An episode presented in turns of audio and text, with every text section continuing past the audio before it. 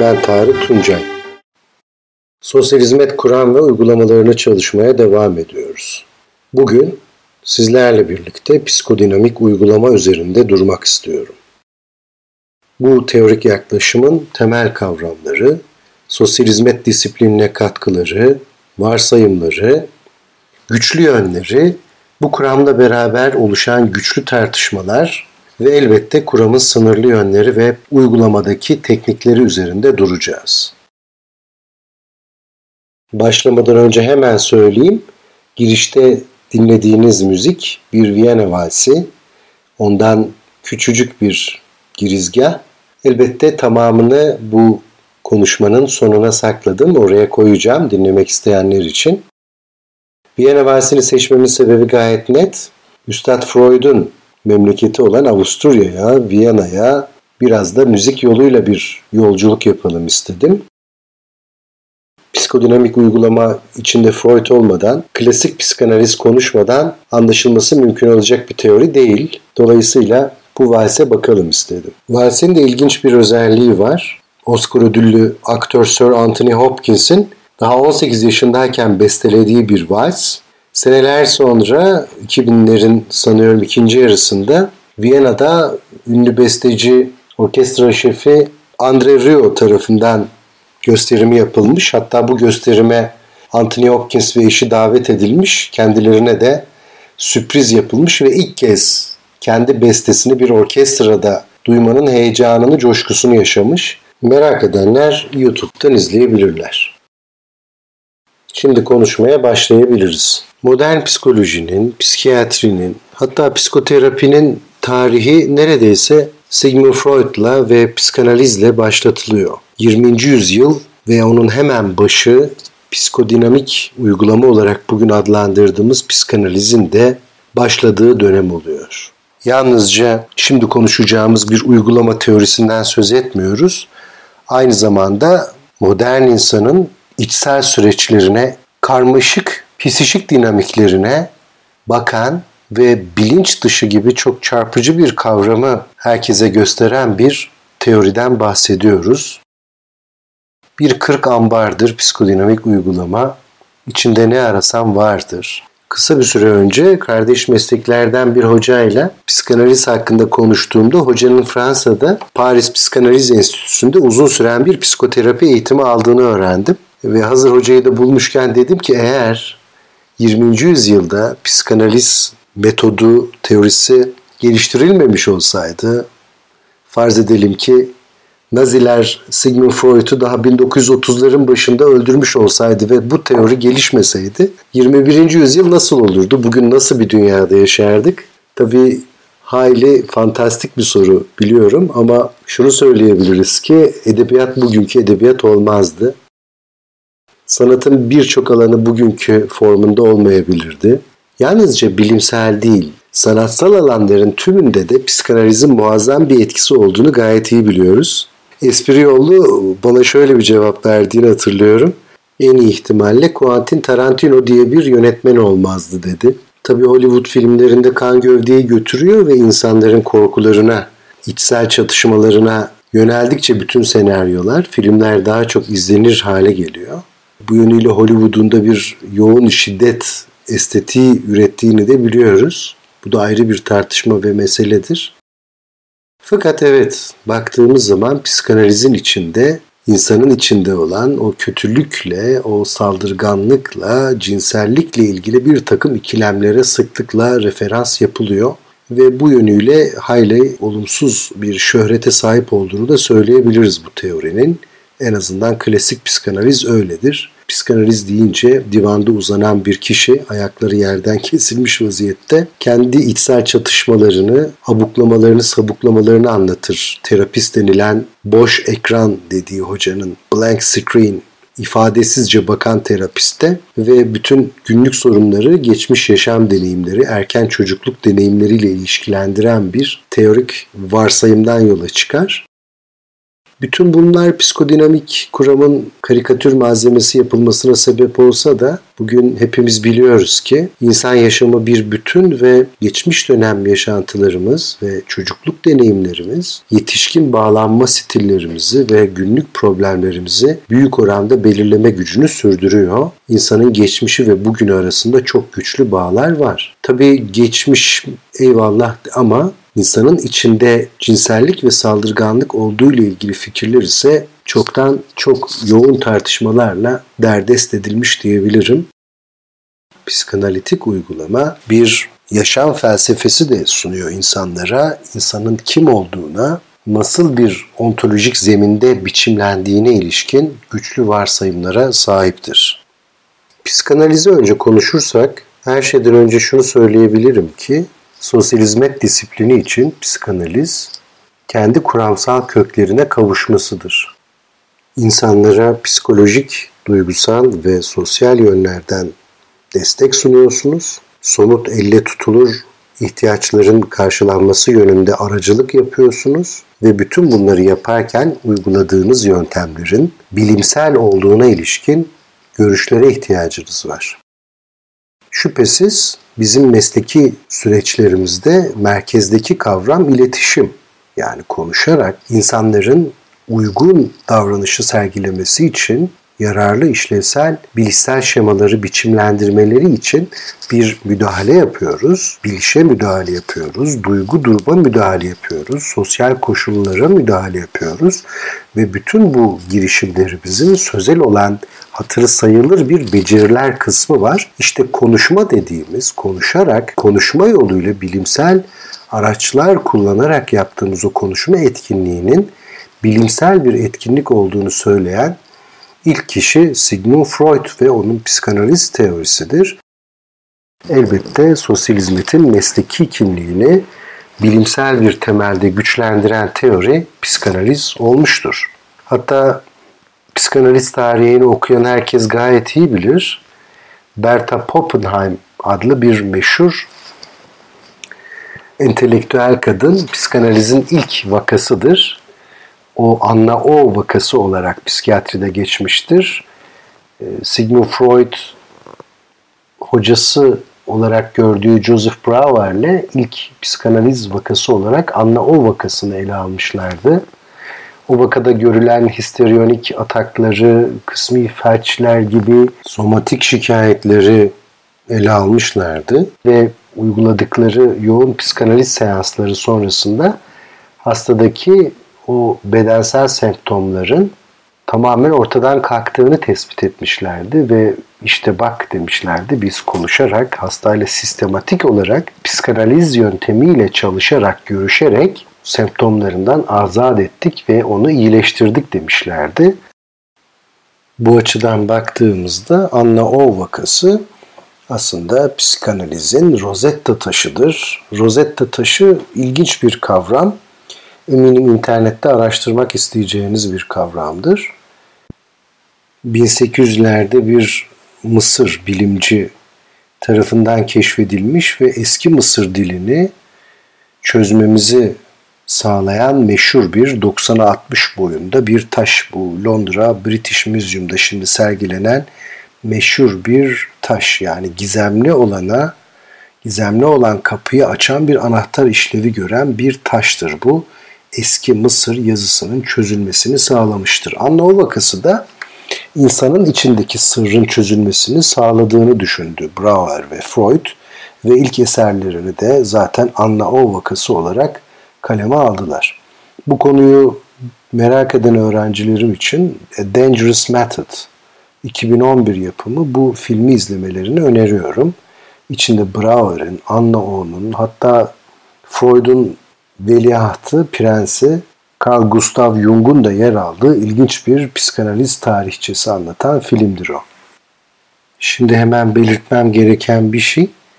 Anna O'nun gerçek adı başta belirttiğim gibi Berta Poppenheim. Berta Poppenheim 1940'lı yıllarda Almanya'da hem feminist hareketin gelişmesinde önce oldu hem de bizim mesleğin tarihi açısından müthiş bir özelliği var. Ee, Almanya'da sosyal çalışma akademik eğitiminin başlamasında da yine öncü isimler arasında yer alan bir entelektüel olarak biliniyor. Elbette 1900'lerin başında geçiyor hadiseler. O yıllarda da insanlarla konuşarak insanlara yardım eden bütün mesleklerin ihtiyaç duyduğu şey olan konuşarak tedavi etmenin bir yöntem olduğu fikri olgunlaşıyor, benimseniyor. Yıllar sonra Bertha Poppenheim anılarını yazdığında Sigmund Freud'un ve Joseph Brauer'in kendisine uyguladığı terapi yöntemini baca temizliği, konuşma terapisi, talk terapi olarak adlandırmıştır. Konuşuyoruz, isim içimizde birikmiş olumsuz tecrübeleri kendimizden uzaklaştırmayı başarıyoruz. Anlamsız, zarar verici davranış ve durumlarımıza yol açan içsel düşüncelerden azat ediyoruz ve böylece özgürleşiyoruz demişti. Psikanaliz işte böyle konuşmanın gücü üzerine ortaya çıkmış meşhur bir yaklaşım, popüler bir yaklaşım oldu 1900'lerin hemen başında. Bugün psikodinamik uygulama yine popüler ve güçlü bir teorik gövde olarak insan sorunlarının gelişiminde ve çözülmesinde onların duygularının ve içsel çatışmalarının dikkate alınması gerektiğini bize hatırlatıyor. Böyle olduğu için psikodinamik sosyal çalışma da insanların çevrelerine, topluma uyum sağlamasına daha çok yardımcı olan ve mevcut toplumsal düzenin daha sürdürülebilir olmasına katkı veren bir metot olarak bizim mesleğimizin mensupları ve elbette klinik psikologlar, psikiyatristler, psikoterapi uygulayan diğer mesleklerden kişiler tarafından sıklıkla referans alınıyor. Şimdi hemen yeri gelmişken bu toplumsal düzeni koruma işleviyle ilgili bir giriş yapmam gerekiyor. Sosyal hizmetin çok önemli amaçlarından bir tanesi her zaman toplumsal değişmeyi desteklemek, sosyal adaleti, insan haklarını geliştirmek ve şüphesiz bu da insanların her türlü psikolojik ve sosyal baskılardan arındırılmasıyla mümkündür. Toplumdaki ezme ve ezilme ilişkilerine ilişkin bir farkındalık vardır bizim meslekte. Bu açıdan baktığımız zaman psikodinamik uygulamanın düzeni sürdürücü bir amacı rahatsız edici olabilir uzmanlar açısından.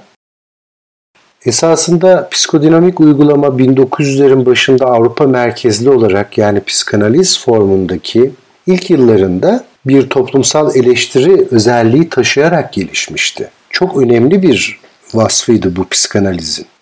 Avrupa'da serbest düşüncenin, entelektüel zenginliğin güçlü olduğu bir çevrede gelişmeye başlamıştı ve insanları içsel baskılardan azat etmeyi açıkça teklif ediyordu Freud bu yöntemi kullanarak. Bir özgürleştirme pratiği olarak psikanaliz okunuyordu. Bir baskı aracı kesinlikle değildi. Fakat Almanya'da Nazilerin yönetime gelmelerinin belki de en olumsuz etkilerinden bir tanesi işte bu Avrupa anakarasında gelişen eleştiri kültürünü, bu zengin entelektüel kültürü tamamen ortadan kaldırması olmuştu. Biliyorsunuzdur Hitler de Freud'un bütün eserlerini yaktırmıştır. Tabii savaştan sonra nasıl ki Freud İngiltere'ye göç etmek zorunda kaldı ve hayatının son dönemini orada geçirdi. Freud'un mirası olan psikanaliz de Amerika Birleşik Devletleri'ne göç etti ve orada gelişimini tamamladı. Bu gelişim aslında psikanalizin birçok yazara göre kendi özünden, o özgürleştirici, eleştirel özünden kopması gibi bir sonucu doğurmuştur. Hatta psikanalistler buna der ki psikanaliz işte Amerika'ya gittiğinde resmen iyiliş edilmiştir, depolitize edilmiştir ve pragmatik amaçlarla günübirlik yaşamın problemlerini çözmek üzere kullanılan klinik bir araca indirgenmiştir dediler. Tabii toplumla özellikle sürtüşme yaratan davranışları tırnak içinde anormallikleri düzeltmekle ilgili bir mesleki yöntem gibi algılanmasına yol açmıştır. Sosyal uzmanları da galiba o yıllarda Amerika'da böyle bir psikanalizi benimsediler ve böyle bir psikanaliz uyguladılar. Özünden kopartılmış bir psikanalizden söz ediyoruz. Şimdi kavramları konuşmaya geçebiliriz diye düşünüyorum. Ama bu geçişi yapmadan önce hepimizin bir soluklanmaya ihtiyacı olabilir. Bunun için de sizi çok sevdiğim bir piyano sanatçısıyla tanıştırmak istiyorum. Nelson Freire. Tabi soyadı tanıdık gelebilir. Paulo Freire'yi tanıyanlar çok bizim meslekte. Brezilyalı meşhur eğitimcimiz ve güçlendirme teorisinin öncü ismi. Ama bu o değil. Tabi onun kuzeni falan da değil. Nelson Freire. Freire soyadı bildiğim kadarıyla kardeş manasına geliyor. Kardeşlik dini bir kavram olarak kardeş manasına geliyor. Nelson Freire de bir Brezilyalı piyanoyla çok erken yaşlarda tanışmış. Bildiğim kadarıyla Freire yalnızca 3 yaşındayken ablası ona piyano öğretmeye başlamış. 5 yaşına geldiğinde Mozart'ın bir bestesini müthiş çalmış. 12 yaşına geldiğinde uluslararası ödüller almış ve şimdi yaklaşık 80 yaşına doğru yaklaşmış bir piyanist, örnek alınan, ilham veren bir piyano sanatçısı. Onun çok sevdiğim sonatlarından bir tanesini size dinletmek istiyorum. 2019 yılında çıkan In Course albümünden geliyor.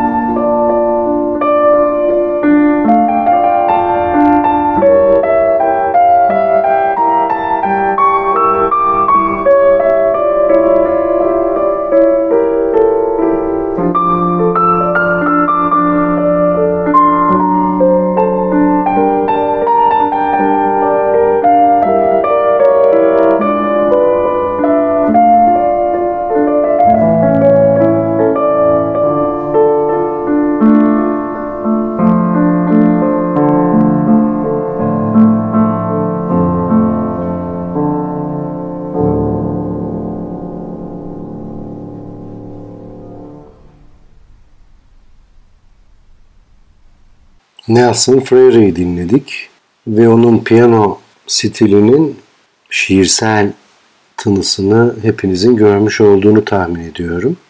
Tabii ilham verici bir müzik stili var. Ben çalışırken piyanoyu zaten çok severim. Bir de böyle akademik konuların sıkıcı, kuru ortamına e, böyle ince estetik dokunuşlar yapmak galiba hepimiz için çok önemli bir ihtiyaç. Kaldığımız yerden devam edelim.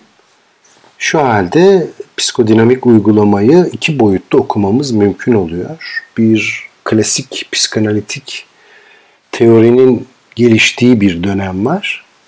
Bir de daha sonra 1930'lardan 40'lardan sonra yani 2. Dünya Savaşı'ndan sonra gelişme gösteren bir teorik gövde var. Akademik bir disiplin olarak gelişmekte olan sosyal çalışma içinde psikanaliz önce empati ve içgörüye yaptığı vurguyla, anlamlı vurguyla mesleğin uygulama yöntemlerini, iletişim becerilerini güçlendirdi. Ama bunun ötesinde doğrudan sorun çözme yöntemi olarak etkili ve yaygın bir biçimde kullanılmaya başladı. Şu halde burada iki anahtar kavramı da şimdiden dillendirmiş olalım. Empati ve içgörü. Empati biliyorsunuz ötekini anlamakla ilgili bir mesleki beceri. İçgörü ise kişinin içinde bulunduğu durumu, davranışlarını, neyi neden yaptığına ilişkin bir bilinç artışı, bir fark etme hali olarak ortaya çıkıyor. Freud körü körüne bağlı olduğu inançlardan bir tanesi olarak eğer kişiler diyordu içinde bulundukları problemli durumun ortaya çıkmasına etki eden faktörleri, içsel dinamikleri, geçmişle ilişkili bağlantıları çözerlerse semptomlarından, problemlerinden kurtulurlar, iyileşirler. Bugün oldukça naif bir görüş bu. İçgörüye doyalı olan bir terapi anlayışı son derece naif görülüyor. Fakat yine de insan yaşamında farkında olmak, kendini fark etmek, olup bitene bir anlam verebilmek, ruhsal tekamül ve genelde iyilik hali için son derece önem taşıyor. Benim bu kaydı yaptığım günlerde bütün dünya bir Covid-19 salgını ile baş etme krizi içerisinde, bir anlam krizi içerisinde aynı zamanda. Bu tehlikeli sağlık problemi bizi evlerimize kapattı. Birbirimize döndük. Sonra kendi içimize daha fazla döndük ve içimizde olup biteni, içimizde yaşananları biraz daha dikkatle anlamaya, görmeye çalışıyoruz. Elbette her birimizin bireysel ve genelde toplumun farkındalığının artması gibi bir hediyesi olacak bu hastalığın. Tabii önce sağlık diyorum. Diğer taraftan ruhsal sağlığımız da tehdit altında kalıyor bu problem nedeniyle ve toplumu genelinde yaygın bir anksiyete problemi yaşıyoruz. Yani bir belirsizlik karşısında huzursuz olma, ana odaklanamama ve başımıza gelebilecek kötü şeylerden dolayı, olası muhtemel senaryolardan dolayı sürekli bir endişeli bekleyişe adeta arafta kalma haline maruz kalma. Tabii bu da bir önemli sorun ve bununla baş edebilmek de hepimiz için çok önemli bir beceri kullanımını gerektiriyor. Doğrusu 20. asrın başında ortaya çıkmış psikodinamik uygulama da aslında modernitenin, hızlı kentlileşmenin, endüstrileşmenin, birlikte kalabalık kentlerde yaşarken yalnızlaşmanın ortaya çıkardığı anksiyete problemiyle ilgili olarak da ortaya çıkmıştı. Ve doğrusu Viyana'da 30 yıldan fazla süre muayenehanesinde Bergstrasse'de Freud çoğunluğu 40'lı yaşlarda kadın olan danışanlarına psikanaliz yöntemini denerken anksiyete ve türevi olan problemlerle uğraşıyordu. Yani öyle bugün bildiğimiz ağır psikozlar içerisindeki e, o tasnifte yer alan şizofreni ile ilgili değildi. Evet yaşadığımız, geride bıraktığımız yüzyılda anksiyete yüzyılıydı ve anksiyetenin yaygınlaştığı bir dönemde ortaya çıkmış bir tedaviydi. Psikodinamik uygulama hakkında konuştuğumuzda aklımıza gelen ilk kavramlar id, ego, super ego tipolojisi oluyor. Biliyorsunuz insan kişiliğine ilişkin bir tipoloji bu. Ve burada bilinci, bilinç öncesini ve bilinç altını biliyoruz. Hatta biliyorsunuz insan bilincinin yalnızca buzdağının görünen yüzü olduğu ifadesi de herkesin diline pelesenk olmuştur. Asıl Freud da psikanalitik teori de bilinçaltının keşfi olarak literatürde yer almıştır. Freud'un biyografisini yazan Louis Breje, Freud görüntünün ortasındaki karanlık adlı bizde Yapı Kredi yayınlarından çıkan biyografi tercümede Freud'un asıl amacının penisili bulan pastör kadar ünlü bir bilim adamı olmaktan ziyade hatta onunla yetinmeyip psikolojinin Darwin'i, psikiyatrinin Darwin'i olmak istediğini sıklıkla belirtir. Narsisistik kişilik yapısı çok güçlü bir entelektüel zekadan söz ediyoruz. Freud hakkında son bir şey daha söyleyeyim. Onun odası da çok meşhur biliyorsunuz. E, divanını herkes gayet iyi hatırlayacaktır. Ama o divanın üstündeki kilimlere ve duvardaki asılı kilime dikkat ettiniz mi bilmiyorum. Ama bizim özellikle Ege bölgesinin meşhur dokuma kilimleridir. Ve hem batıya hem doğuya bir entelektüel olarak merak sarmış, bütün kültürel ögeleri biriktirmiş, tetkik etmiş bir simadan söz ettiğimizi görebiliyoruz. Yani o divanda Türk kilimi serilidir. Bu da ilginçtir. Tabii o odanın içerisinde bir de yüzlerce e, küçük biblo var, putlar var, küçük tanrılar var. Hatta onunla ilgili yapılan esprilerden bir tanesinde derler ki sürekli sıklıkla her konuşmasında, her yerde ateist bir Yahudi olduğunu söylemekten çekinmezdi. Ona çok sık vurgu yapardı. Fakat tek bir tanrıyı reddetmiş olsa da ömrü boyunca 30 seneden fazla bir süre odasındaki o yüzlerce tanrıyla yaşamak zorunda kaldı derler. Psikodinamik teori esasında çok büyük bir teori. Diğer çalışacağımız teorik yaklaşımlar gibi görece hiç de küçük hacimli değil. Hatta belki en hacimli olanı. Böyle olduğu için de hatırı sayılır oranda yeni kavramı modern psikoloji, psikiyatri literatürüne kazandırmış bir teoriden bahsetmiş oluyoruz. Şöyle bir baktığımız zaman anksiyete, ambivalans yani duygu karmaşası, bağlanma, uyumlaştırma, baş etme, savunma mekanizmaları, direnç kavramı, aktarım ve karşı aktarım, transferans, counter transferans, psikodinamik kavramlar olarak hepimizin hafızasında ilişki kavramı, derin çalışma, yorumlama, analitik tarafsızlık gibi kavramları da yine bu teorik gövdeden referansla mesleki repertuarımızda sıklıkla referans alıyoruz biz sosyal hizmet uygulamasına psikodinamik teoriyi olduğu gibi aktarmış değiliz. 1950'lerin sonunda psikososyal vaka çalışması adıyla, yöntemiyle sosyal çalışmada kullanılmaya başlanmıştır. Ve burada sözünü ettiğimiz o temel kavramların her biri mesleki becerilere dönüştürülerek kullanılmıştır. Elbette bir psişik determinizm etkisine maruz kaldık. Yani insanların problemlerini kendi kişilik yapılarına, kişisel seçimlerine, sorumluluklarının sonuçlarına bağlayan bir tavır oluştu. Ama psikodinamik kuram 1950'lerden sonra tekamül ettikçe bireysel davranışın üzerinde çevresel etkinin oranı gittikçe güçlendikçe ve biz bu konuda ikna oldukça e, psişik determinizmin baskısı biraz daha azaldı ve böylece sosyal davranışı düzeltmekle ilgili bir araç olarak kullanmaya başladık diyebilirim. Sosyal hizmet müdahalelerinde psikodinamik uygulamayı kullandığımız zaman yani teoriler arasından seçim yaparak psikodinamik uygulamaya dayalı bir vaka çalışması yürüttüğümüz zaman iki şeyi çok öne aldığımızı söyleyebilirim. İki şeyi öncelemiş oluruz. Bunlardan birincisi duygulardır. Yani insan bilişsel, duysal, davranışsal bir varlık olarak okunduğunda ve onun sorunları yine bilişsel, duysal, davranışsal bileşenler üzerinden değerlendirildiğinde ve çözülmeye çalışıldığında psikodinamik uygulamaya göre yürütülecek olan bir mesleki müdahale daha çok kişinin duysal dinamiklerine odaklanacaktır.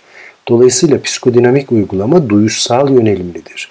Kişilerin içinde bulundukları durumlar, sorunları, beklentileriyle ilgili oluşan duygularını anahtar olarak kullanırız.